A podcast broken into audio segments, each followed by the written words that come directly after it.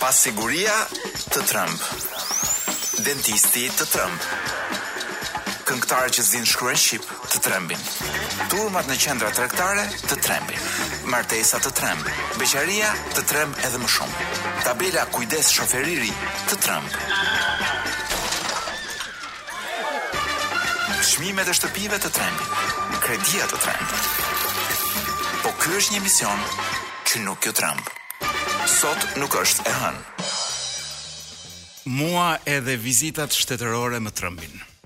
Sot ishte një ditë jo e zakonshme sepse gjysma e Shqipërisë, kjo gjysma e sipërme e Shqipërisë nuk funksiononte.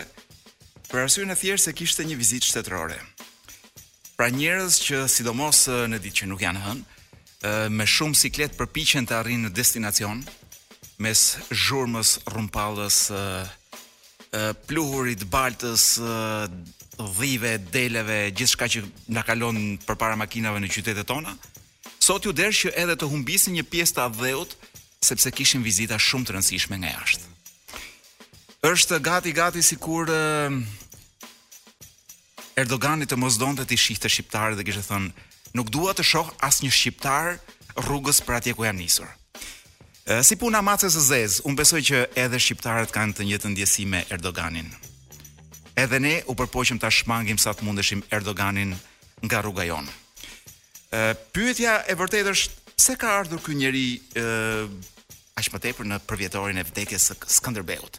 Sigurisht që u treguan shumë të zgjuar, për ta nxjerrë anash e anash, ë në mënyrë që ai të mos përballet me statuën e heroit, sepse do të kërkojë që ta shëmbin dhe sigurisht që vasalët e tij në Shqipëri do e shëmbin pastaj.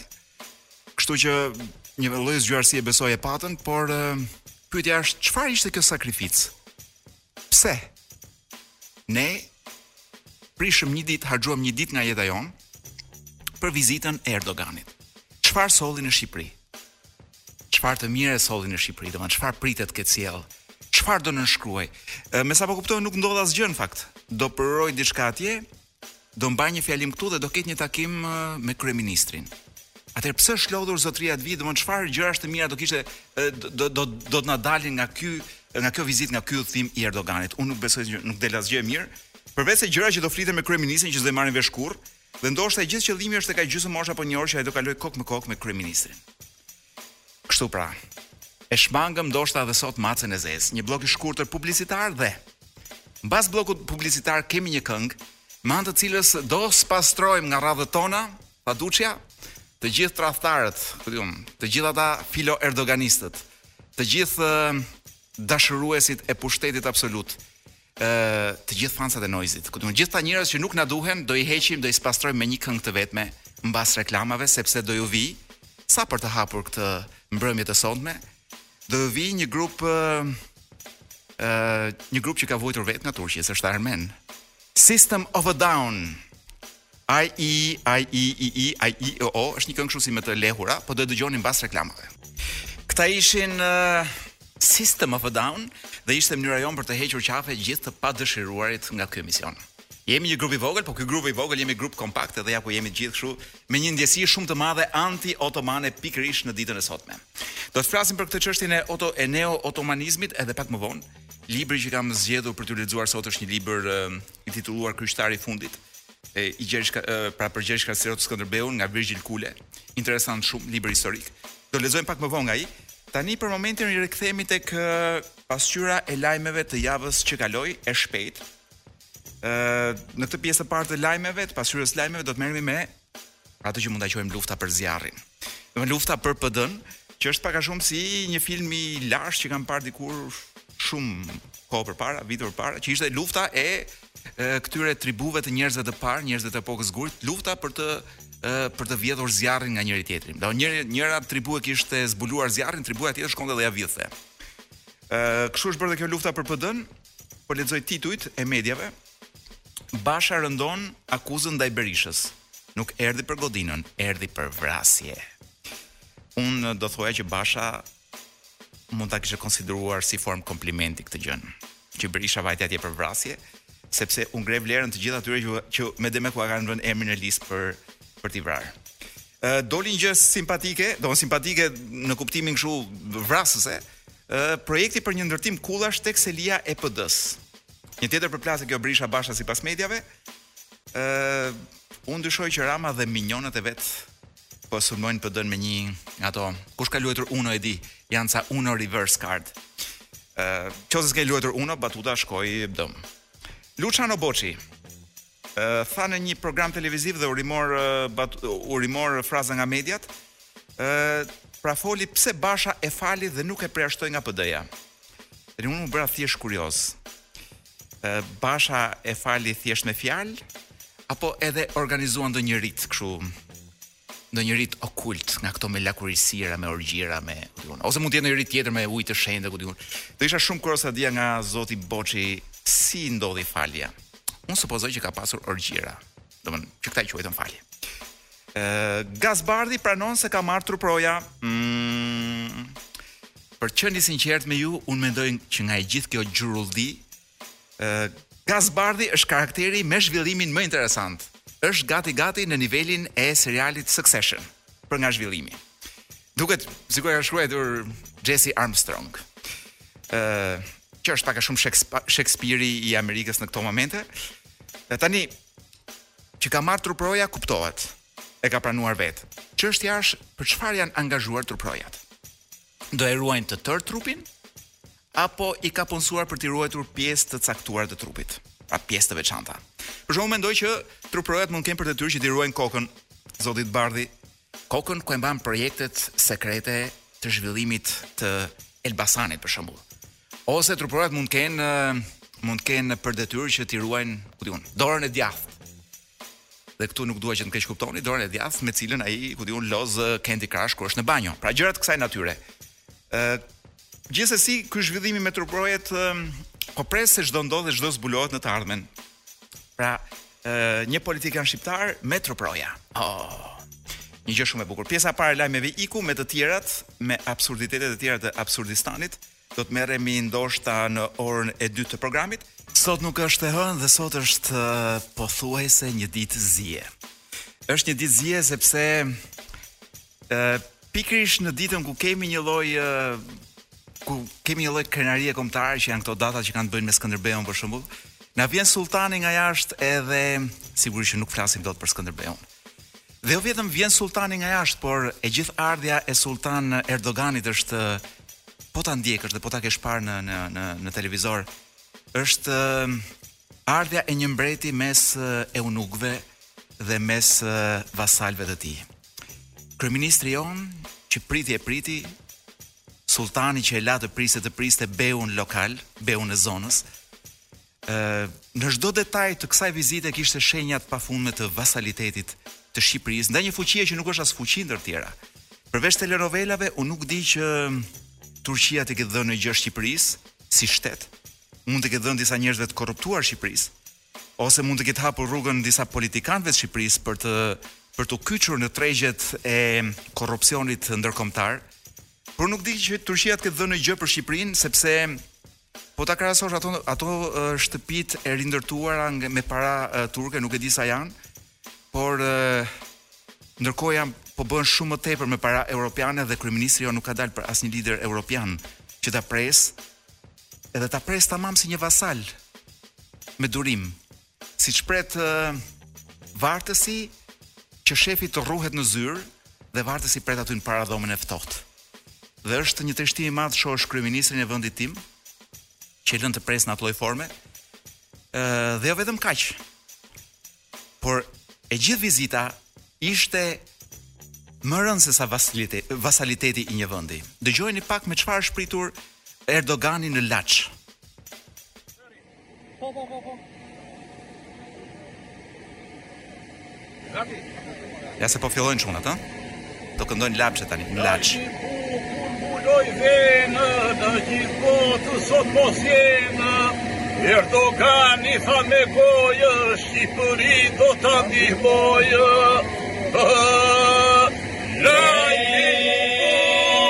Pra është një këngë një këngë e sajuar si labçe nga ca burra të veshur si lab. Të marrë sigurisht njerëz të marrë me qera sepse grupi nuk e di se kujt. Janë njerëz që ule pak DJ Wiz është ata që e njohin kryeministrin dhe mënyrën si funksionon si funksionon ai, ai nuk i lë asgjë rastësisë Sidomos kur puna është puna për të bërë festivale, si puna e këtij të Erdoganit apo show si e, si kjo e ardhjes së tij në Laç, ku diun.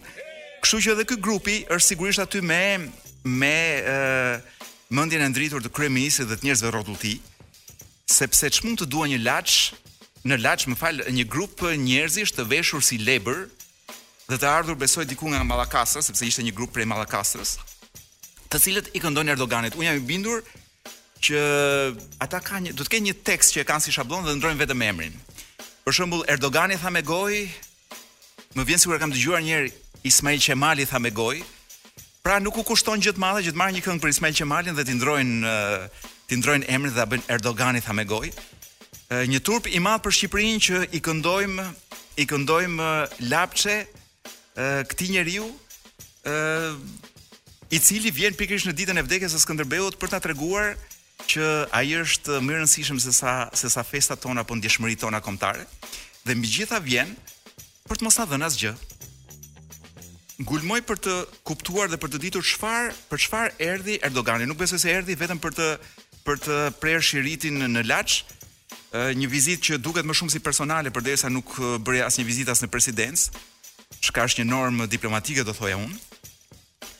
E presin me këngë, i marrin lebërit e shkretë që janë andej nga Mallakastra, i sjellin aty thonë hajt një këngë shpejt e shpejt për Erdoganin, këndojnë ata me qera sigurisht. Ë kush e di ç'u japin 50000 lekë dita, 100000 lekë dita.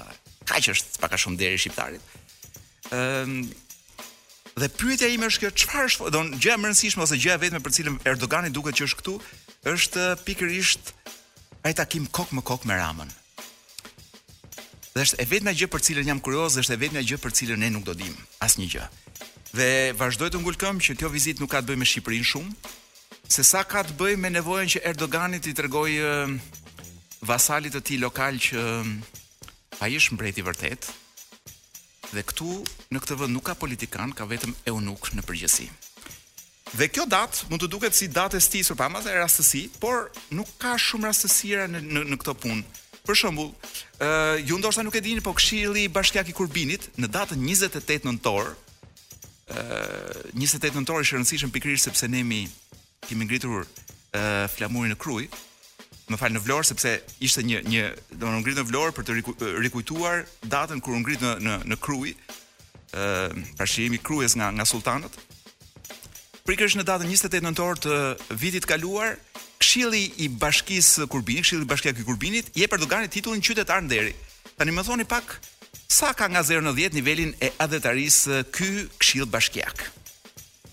Ëh për të mos fol për një koincidencë të çuditshme datash, në datën 2 mars të 2021-shit, që është data e Besëlidhjes së Lezhës, ë Këshilli i kësaj qeverie vendosi që në shkollat tona të futet gjuha turke. Dhe më thoni po deshët që këtu është thjesht një koincidencë banale. Ma vre edhe njëherë atë këngën që i kënduam Erdoganit, atë këngën pasionale nga grupi Lab i Mallakastrës. Lajmi i bukur mbuloi dhenë. E gjithë bota sot po zien. Halucinacionet e këtyre njerëzve janë të ngjashme me atë që ua ka porositur këngën.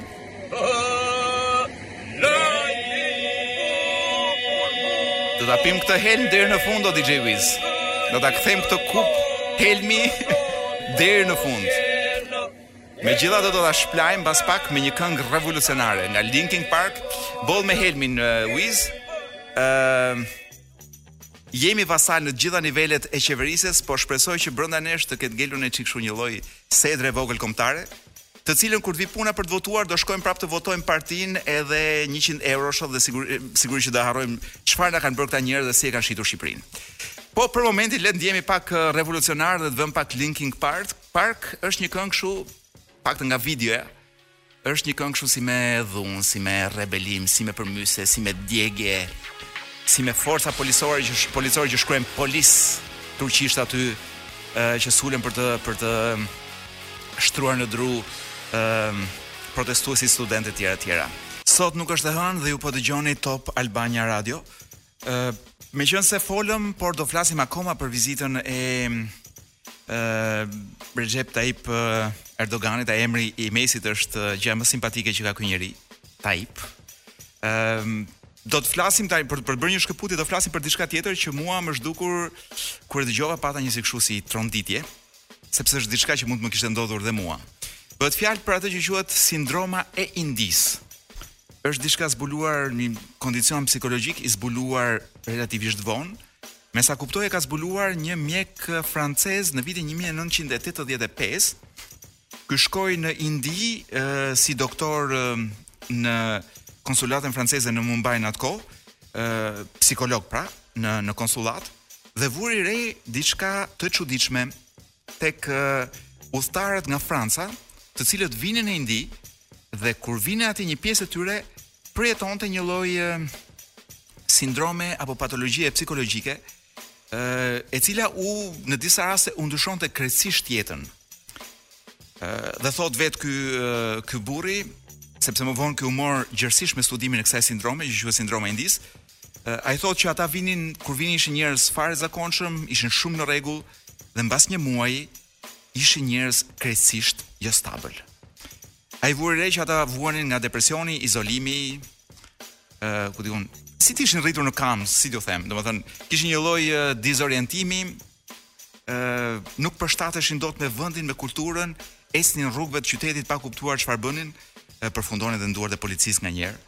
ë, uh, Dhe disa prej tyre madje shkuan dhe u bënë kryeministra të Shqipërisë, domethënë përfunduan delirant dhe deluzion të deluzionuar. Pra është një kjo sindroma e Indisë qenka shumë e fuqishme. Dhe më vonë ky shkruajti edhe një libër, uh, Fous de l'Inde, de l'Inde uh, diçka që mund të përkthehet diçka tipit i ç, i marrosur mbas Indisë. Dhe ky u përpoq të kuptonte nëse është India që ia shkakton këtyre njerëzve apo janë këta që vijnë me predispozitën për t'u sëmurur psikologjikisht.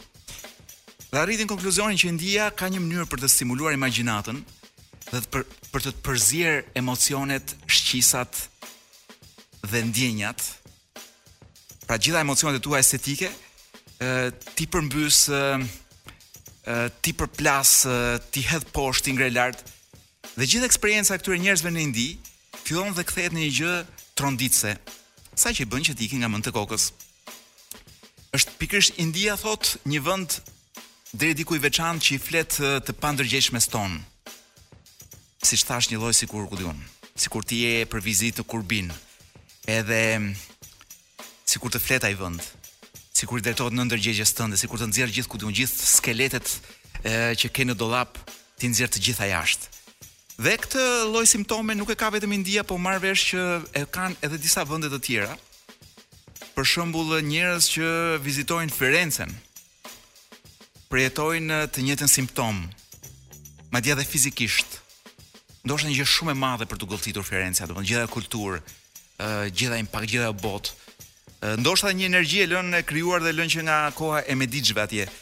ë Arti i qytetit, gjithë bukuria e qytetit, arkitekturës, sepse ata nuk kanë një Edi Ramë që ta shkatërrojë atë domthonë, edhe ka ngelur siç ka qenë. Edhe me sa duket kjo të krijon një sindrom indie.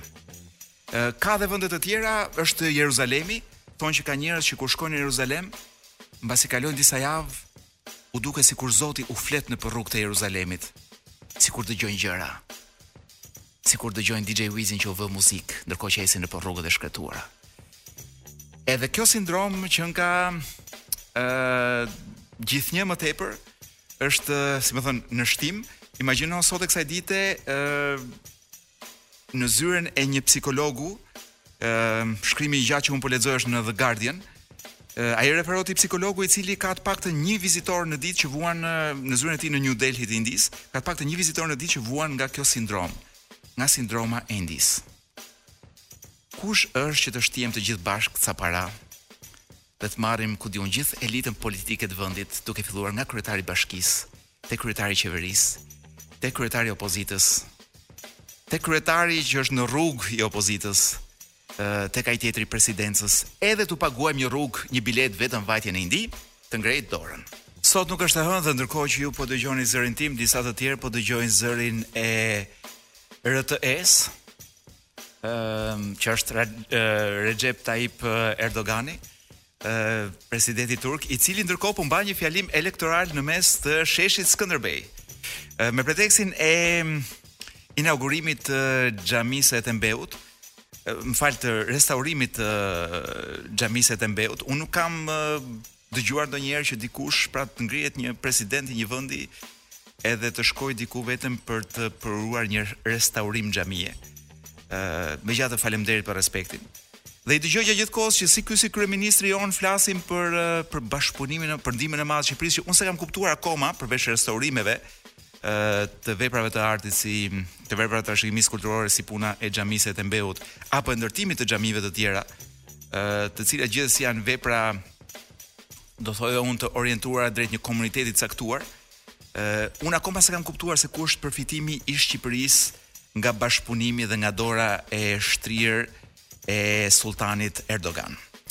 ë vasaliteti është i qartë në çdo detaj të vetin, madje pak minuta më parë gjatë ndërkohë që dhe kryeministri jonë po mban një fjalim atje, ë imagjino kryeministri tonë ia pret ia pret fjalën përkthyesi turk. Pra, jo vetëm Erdogani është ndjehet si epror dhe si sulltan, por edhe përkthyesi i tij e ndjen veten më të rëndësishëm se sa kryeministri i këtij vendi. Dhe unë prapë nuk e kuptoj se pse duhet mbajtur një miting në kohëra Covidi, në kohëra pandemie, dhe për çfarë qëllimi. Për shembull, erdhi Merkeli nuk erdhi të bënte ndonjë miting ose nuk mbaj mend liderë botërorë që të vinë dhe të mbajnë miting në Shqipëri. Por, por kjo puna mitingjeve më çon diku tjetër. Ë tek një ngjarje personale jetuar personalisht që më ka ndodhur gjatë javës që kaloi. Do të ketë qenë e premte, ndoshta e shtunë, nuk e mbaj mend mirë. Ë një ditë që po zhvillohej, po zhvillohej në mos gaboj një takim, kongres, mbledhje, konferencë, nuk e di se çfarë e FRESH-it, e FRESSH-it, ë duhet kishte një përvjetor, 30 vjetor. Sigurisht jemi kohëra pandemie, po kur vjen puna për FRESH-in sigurisht që pandemia nuk ekziston. ë dhe pastaj partia është gjithmonë më e rëndësishme se pandemia. Dhe rastisa duke ecur në rrugë pranë një prej këtyre bareve që kanë një televizor të madh kryesisht e vënë për ndeshje, por kur s'ka ndeshje këto televizor vetëm shpërndajnë helm politik. edhe pse nuk e kanë zërin të ngritur ti sheh vazhdimisht një figurë dhe ti mund të kuptosh duke parë një televizor pa zë se kush janë njerëzit që dominojnë imazhin publik në Shqipëri dhe kryeministri është një prej tyre. Dhe përvoja ime personale ishte kjo, këtë përvojë ndaja e ndava bashkë me një me një shpërndarës mbledhës dhe shpërndarës teneqesh, i cili kishte ndaluar biçikletën aty dhe po bënte pak pushim. Në fakt ky më hutoi mua ky teneqembledhësi, sepse ia kishte ngulur sytë televizorit që ishte brenda lokalit, një televizor i madh ai ku di un, nga ato 700 polsh, 2800 polsh ku di un sa të mëdhenj janë. Në ekran ishte kryeministri i vendit. Nga titrat kuptohej që po fliste përpara rinisë së partisë. Freshit. Dhe zëri nuk dëgjohej. Shikoheshin vetëm xhestet e kryeministrit. dhe xhestet e kryeministrit më vinin në sy, më sillnin në memorie xhestet e Duçes. Pra gjithë uh, imazhi i tij, mënyra se si komunikonte me xheste, me portret, ishte fiks ajo e Duçes. Aq sa që një koleg më ndihmoi që të merrja pikërisht një pjesë nga ky fjalim, t'i vinim zërin e Duçes dhe në qoftë se ju më ndiqni në, në Instagramin tim të mbyllur, po unë besoj që ne mund ta publikojmë ose shumë shpejt do ta publikojmë edhe në Instan e radios, thjesht për të parë se sa i shkon zëri i Duçes në fjalimet e veta e, megalomane, figurës së kryeministrit tonë. Dhe gjëja që më shqetësoi shumë ishte që ky imazh ishte i projektuar për rininë fashiste. Domethënë Duçja e projektonte për rininë fashiste. Nuk kishte rëndësi se çfarë thoshte. Nuk ka rëndësi fare se çfarë se çfarë thotë në të vërtetë kryeministri jonë. Imazhi ka rëndësi, xhesti, sjellja, qëndrimi, Duçja, Duçja. Pra ky unë jam shumë i sigurt që ata nuk e dëgjonin sepse ndërkohë që janë aty janë me syrin tek Instagrami. Ose kanë hallin të shohin a po dalin në televizor që të duken që janë aty. Por ata janë aty për të përthithur imazhin e diktatorit Duçe. Atij që do t'i udhëheqë për të pushtuar botën, sepse një vend si Italia, një vend makaronash edhe kanconetash, në një moment të caktuar i shtyrë nga ai Duçe, vendosi që të sulmonte gjithë botën dhe të pushtonte gjithë botën. Dhe përfundoi, pastaj që pati ato tragjeditë e mëdha në Tripoli, në Shqipëri, ku di un gjithë andej, domethënë vetëm siklete patën të shkretët. Po ja, u nisën mbas një Duçe për të pushtuar botën sepse Duçet për këtë qëllim kanë. Pra për këtë qëllim funksionojnë në këtë mënyrë, kanë këtë imazh. Dhe le të vijmë tek rinia fashiste. Shqetësimi më i madh është që të gjitha partitë e mëdha në vend, për ata që kanë mundësi që të kenë edhe një degë të, të rinisë së partisë, në të vërtetë po për, po projektojnë atë që unë do e quaja rinia fashiste. Sepse edhe në Itali, po edhe në Gjermani, po edhe në Kinën e Maos, po edhe në Rusinë e Stalinit, Nuk doli Stalini, Stalini vetë për të bërë krime. Ishte një ushtri e tërë dhe kryesisht me njerëz të rinj, ushtritë komuniste, fashiste, naziste apo ata gardistët e kuq të Maos, të cilët të pinin gjak në vetull. Sepse atyre u ishte shplarë truri përmes duçeve edhe mesazheve alla duçe. Kështu që unë jam shumë i shqetësuar jo vetëm për Freshin, por edhe për partitë e tjera, Që nuk ka ndonjë ideal, po të pyesësh një freshist, çfarë ideali ka partia ose çfarë ëndrre ka ai që të realizojë në këtë vend? Çfarë do donte një freshist meqenëse është në pushtet? Çfarë do donte të bënte ai në këtë vend? Çfarë të mirë do do, do donte të sillte këtij vendi? Mund të përpëlitet pak, po nuk do thotë dot atë që vërtet do. Ai do të bëjë para. sepse të gjitha këto rinitë e këtyre partive, duke filluar nga ajo nga kjo e, e PS-së, te PD-së duke mbaruar tek ajo LSI-së, ajo që projektohet është kjo. Ja ku është pushteti? Pushteti prodhon para për të bërë para në këtë vend, duhet t'i shërbesh pushtetit. Dhe rroftë Duçja. Dhe për ta mbyllur me Duçen, kemi një këngë alla frënga. Po DJ Wizi do ja vë, më fal, alla italianska. DJ Wizi do ja vërë mbas reklamave, por qëndroni. E para qëndroni, ngreni edhe zërin radios madje që mos dëgjoni ato zhurma që vijnë nga nga Erdogani dhe sheshi Skënderbej, që nuk është shumë sheshi Erdogan sot. Ky ishte Piero Pelu me Cuore Matto, ë uh, jemi si me thënë ne këtu lexojmë një libër nga Gjergj Kastrioti, po kush e di vallë se ç'po lexon tani në shesh ë uh, Recep Tayyip. Erdogan. Kjo Taip është vlen sidomos për politikën shqiptare sot, të cilës Rexhepi le të themi që këtë Taipin e e, e demonstroi më së miri në ditën e sotme. Por ne do të vazhdojmë të lexojmë nga libri Gjergj Kastrioti Skënderbeu kryqëtari i fundit, e, i Virgjil Kules. Virgjil Kule, gazetar i vjetër, e, ka bërë ndoshta një libër që ra duhej, Ai ka mbledh në mënyrë kronologjike të gjithë dokumenta që ka mundur të gjejë në libra të tjerë, edhe dokumente arkive dhe ka i ka përmbledhur të gjithë me shpjegime në këtë vëllim, kryqëtari i fundit. Pra është histori e pastër, ë edhe me shumë burime madje do thoja unë, një punë masive me sa di unë i ka kushtuar disa vjet. Është një botim i vitit ky që kam në dorë unë. Është një botim ja ta gjej këtu, i vitit 2012 mos gabohem. Po, nga Fast Track Albania, botimi i parë është nga Ombra GVG i 2011-s. Kjo zhurma që ju mund të dëgjoni është maska ime që kam vënë në mjekër, meqenëse ë kam vendosur t'i ruaj kolegët nga potenciali i Omikronit, pra që të marrin Omikronin nga unë. Meqenëse kam qenë në kontakt me njerëz smur. Atëherë, kam librin në dorë, Kryqtari i fundit. Dhe, siç thash, është kronologjik. Pra ka me vite gjithë veprimtarinë e Skënderbeut, të ilustruar me një numër të madh burimesh edhe citimesh madje. Një punë voluminoze shumë e mirë. Nuk e di a gjendet në treg, por në qoftë se ju i shkruani Ombra GVG-s ose ë kësaj shtëpisë botuese Fast Track Albania, ndoshta ata mund t'ju japin kopje ose mund ta rihedhin me një botim të ri në treg, në qoftë se ju e doni. Pra mund t'i kontaktoni. Po hap një faqe këtu që e hapa rastësisht nga fillimi.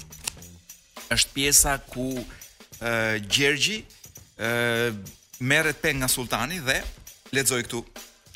Do të thoja ta gjej dhe vitin, sepse siç thash, i gjithë uh, a kjo është pjesa, uh, kjo është pjesa prologut uh, ku vitet nuk dihen mirë dhe nuk njihen mirë. Procesi atëherë po lexoj nga libri. Procesi i skllavërimit sulltanor filloi me synetllëkun dhe ndërrimin e emrit nga Gjergj në Skënder. Kjo punë u bë sipas ritit të njohur bektashi, të përshkruar me hollësi nga Barleti. Skënderit të Ri, si gjithë të tjerëve, i caktohet një shtrat në një nga dhomat e konvikteve të shumtë të shkollës Endurun dhe i dorëzohet takëmi i rrobave të posaçme, të cilat përshtateshin sipas moshës. Uniforma përbëhej nga një palë brekushe të zeza, që merrnin formën e qillotave ushtarake, kur poshtë pjesës së pulpës së këmbës shtërngoheshin nga një palë gambale lëkure. Gambalet mbulonin edhe pjesën e sipërme të këpucëve, të këpucëve me majë. Në mes mbështillej një brez me vija ngjyrë portokalli në sfond të bardhë, i cili rrinte disi lirshëm dhe nuk e mbulonte pjesën e qemerit të brekusheve. Në trup vishej një këmishë me mëngë të gjata, pa jakë, e cila mbërthehej me një kopsë vetëm në rrethin e qafës, duke lënë një vijë të hapur në pjesën e gjoksit.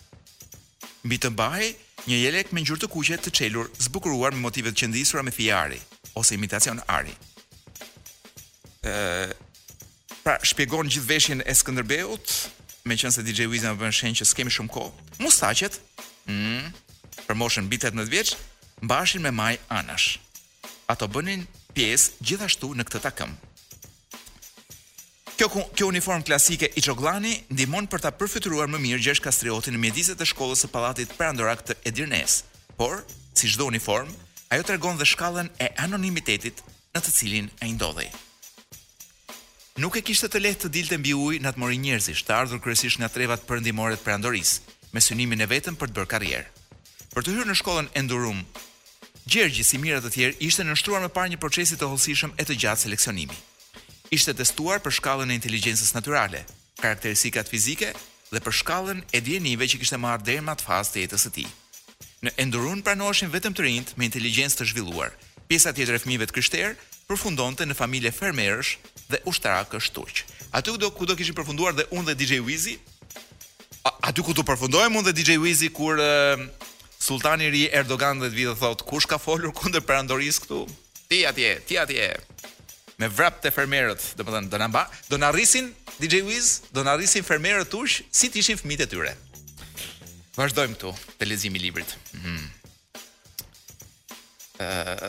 pra përfundonin në familje fermerësh dhe ushtarakësh turq në zonat e Anatolisë dhe Rumelisë, ku pasi osmanizoheshin, ndiqnin kurse ushtarake për të përfunduar kryesisht në ortat e jeniçerëve. Shkolla Endurun nuk ishte thjesht një institucion akademik i shkëputur nga politika e shtetit. Ajo ishte vetë themeli i kuadrove të shtetit osman.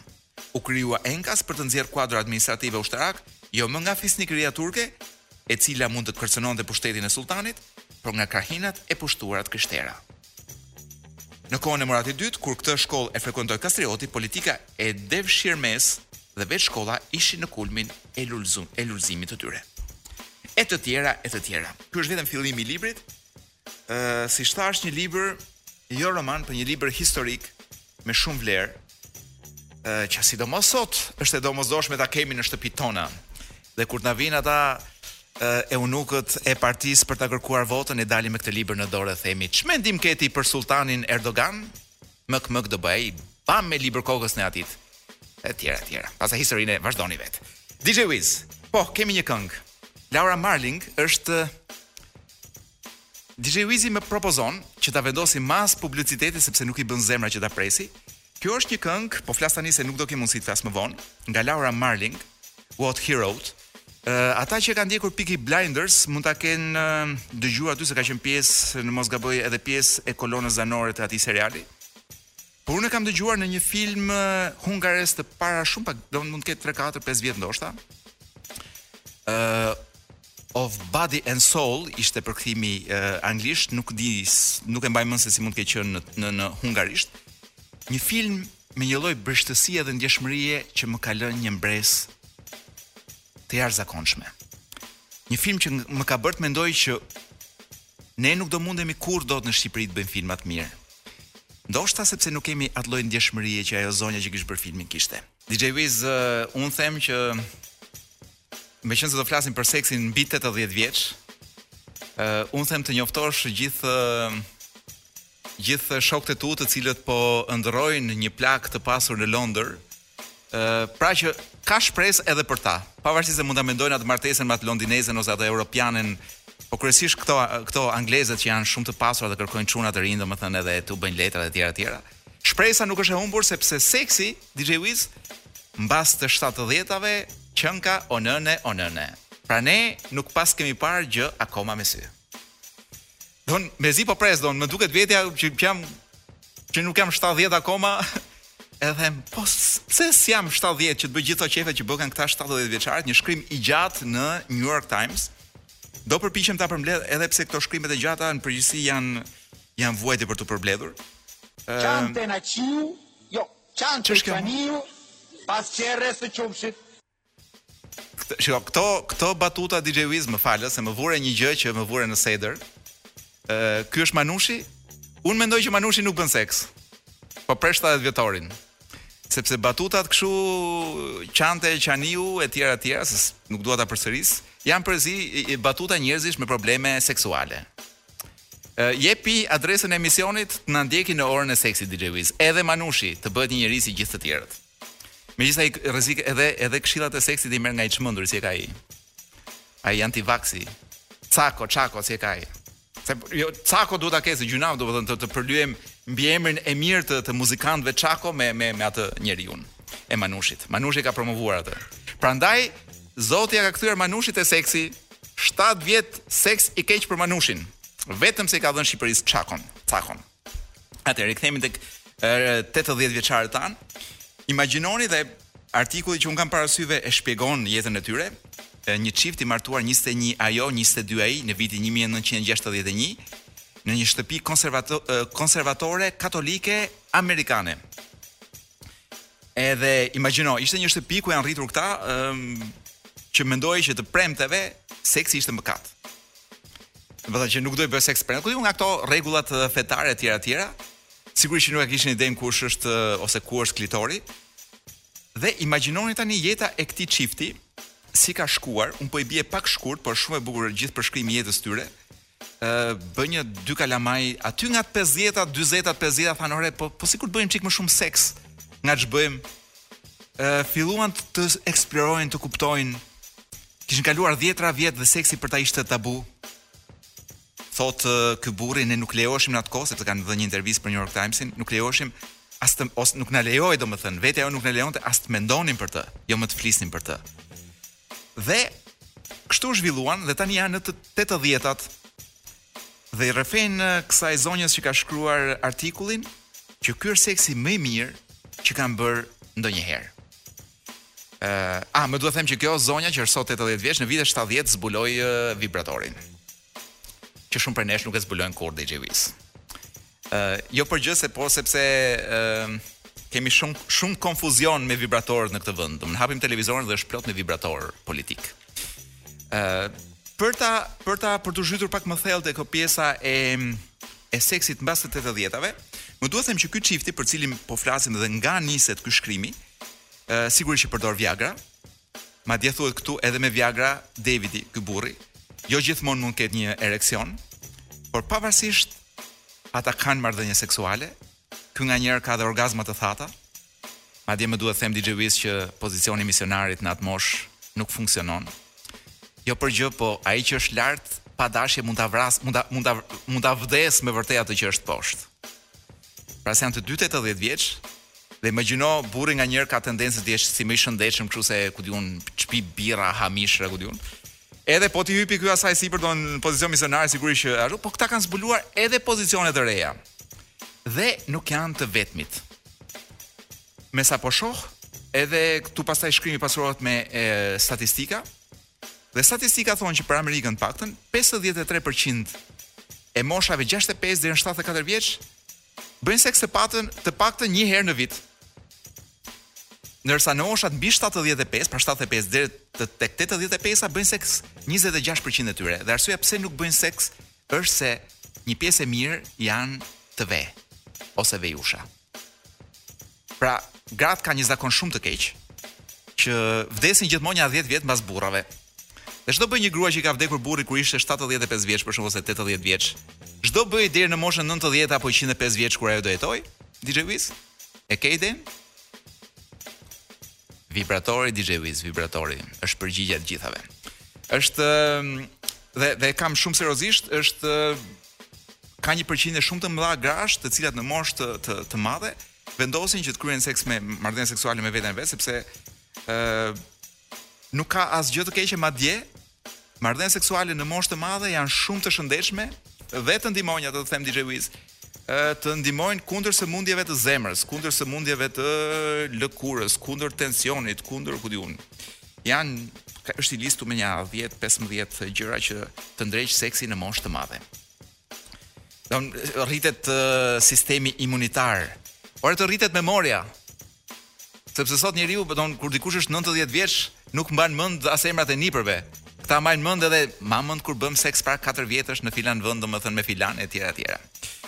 Pra, një jetë e re fillon mbas së shtatëdhjetave, një erë seksuale, e re seksuale dhe ky rezultat është mbas studimesh të shumta dhe librash të shumtë, të cilat janë bërë duke intervistuar ata njerëz të cilët kanë bërë seks më shumë nga gjithë ne. Pra që kanë, ku di unë, mund të kenë 60 vjet, 70 vjet që bëjnë seks. Dhe gjithë thonë që mbas së 70-tave seksi është më i mirë se kurrë ndonjëherë. Kështu që mezi po pres të shkojmë deri atje, unë jam duke shfletuar ndërkohë shkrimin shumë të gjatë për të se kisha nja dy pika që unë thashë t'ia thosha DJ Wizit. Mirë është t'i dijë dhe të mos i marrë vesh kur të shkojë 70 vjeç, po. Ë ka, po, në këto mosha mbi 70, u emocionova DJ Wiz desh hodha mikrofonin. në këto mosha mbi 70 vjeç ka një tendencë për të eksperimentuar. Sigurisht nuk bëhet fjalë për hedhje nga dollapi. ë por këto mosha mbasi fillojnë dhe përjetojnë kënaqësitë e seksit, vendosin që të që të provojnë gjëra që ndoshta edhe të rinj si DJ Wizi njëzet e pesë vjeçarë si DJ Wizi nuk i kanë provuar akoma. Sepse kanë dije DJ Wiz, kanë kohë sa të duash për t'i aplikuar. Pra nuk është se duhet mbarojnë punë shpejt e shpejt sepse i vjen ora për të filluar emisioni, ose duhet dalin se e kanë lënë me shoqet në në në në kafe e të tjera e të tjera. E mbyllim me këtë me rrëfimin e kësaj zonjës, e zonjës po, Roslin, 95 vjeç. ë ka rrëfyer se përdor një vibrator. E ka të pamundur të gjejë një partner, ë dhe ka vendosur sigurisht thotë ajo në intervistë, ë asgjë nuk mund ta zëvendësojë një marrëdhënie intime me një burrë.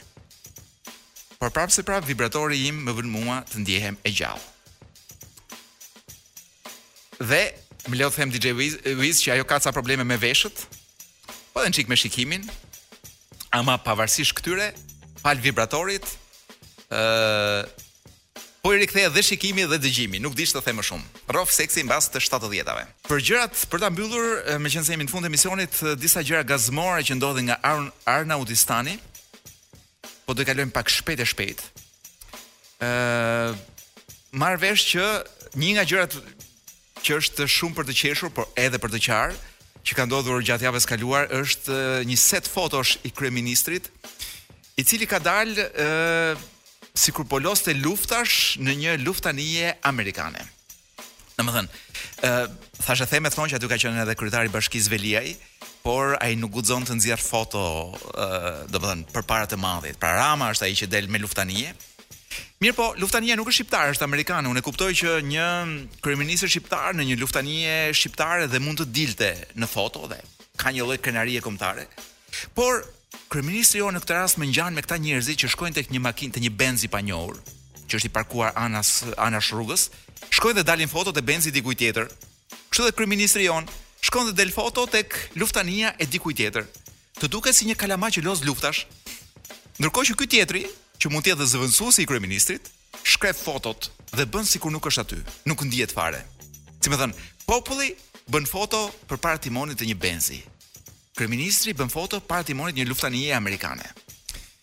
Dhe nuk jam i sigurt nëse ne e meritojmë këtë kryeministër apo ky kryeministër e meriton këtë popull që ka. Ndoshta janë nga pak të dyja bashkë. ë dhe mbase është mbase kryeministri mendon që kështu populli do e dojë edhe më shumë, nuk e di. Por fotot e tij që kish dalë tek vendi i kapitenit dhe bënte sikur i jepte luftanijes, ishin shumë për të qeshur. Dhe mbas pak sekondash, mbasi ke qeshur të vjen shumë për të qarë. Të tjera gjëra Meta ka thënë, këtu më keni edhe për 50 vitet e ardhshme.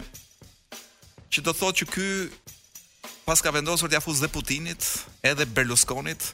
Ore do ketë gjetur ndonjë kërpudhë ky o DJ Wiz, nga këto që të rrisin, të që të rrisin, donë, jo të rrisin në trup, po nga këto që të rrisin jetën. Se nuk ka se si donë që flet me kaq garanci për 50 vitet e ardhshme, ku edhe DJ Wizi që është 20, sa e, 21, 20, s'e themi dot. Pra është ndërmjet 20-tave dhe 50-tave. DJ Wizi, edhe ai nuk nuk pretendon të jetojë në 50 vitet e ardhshme.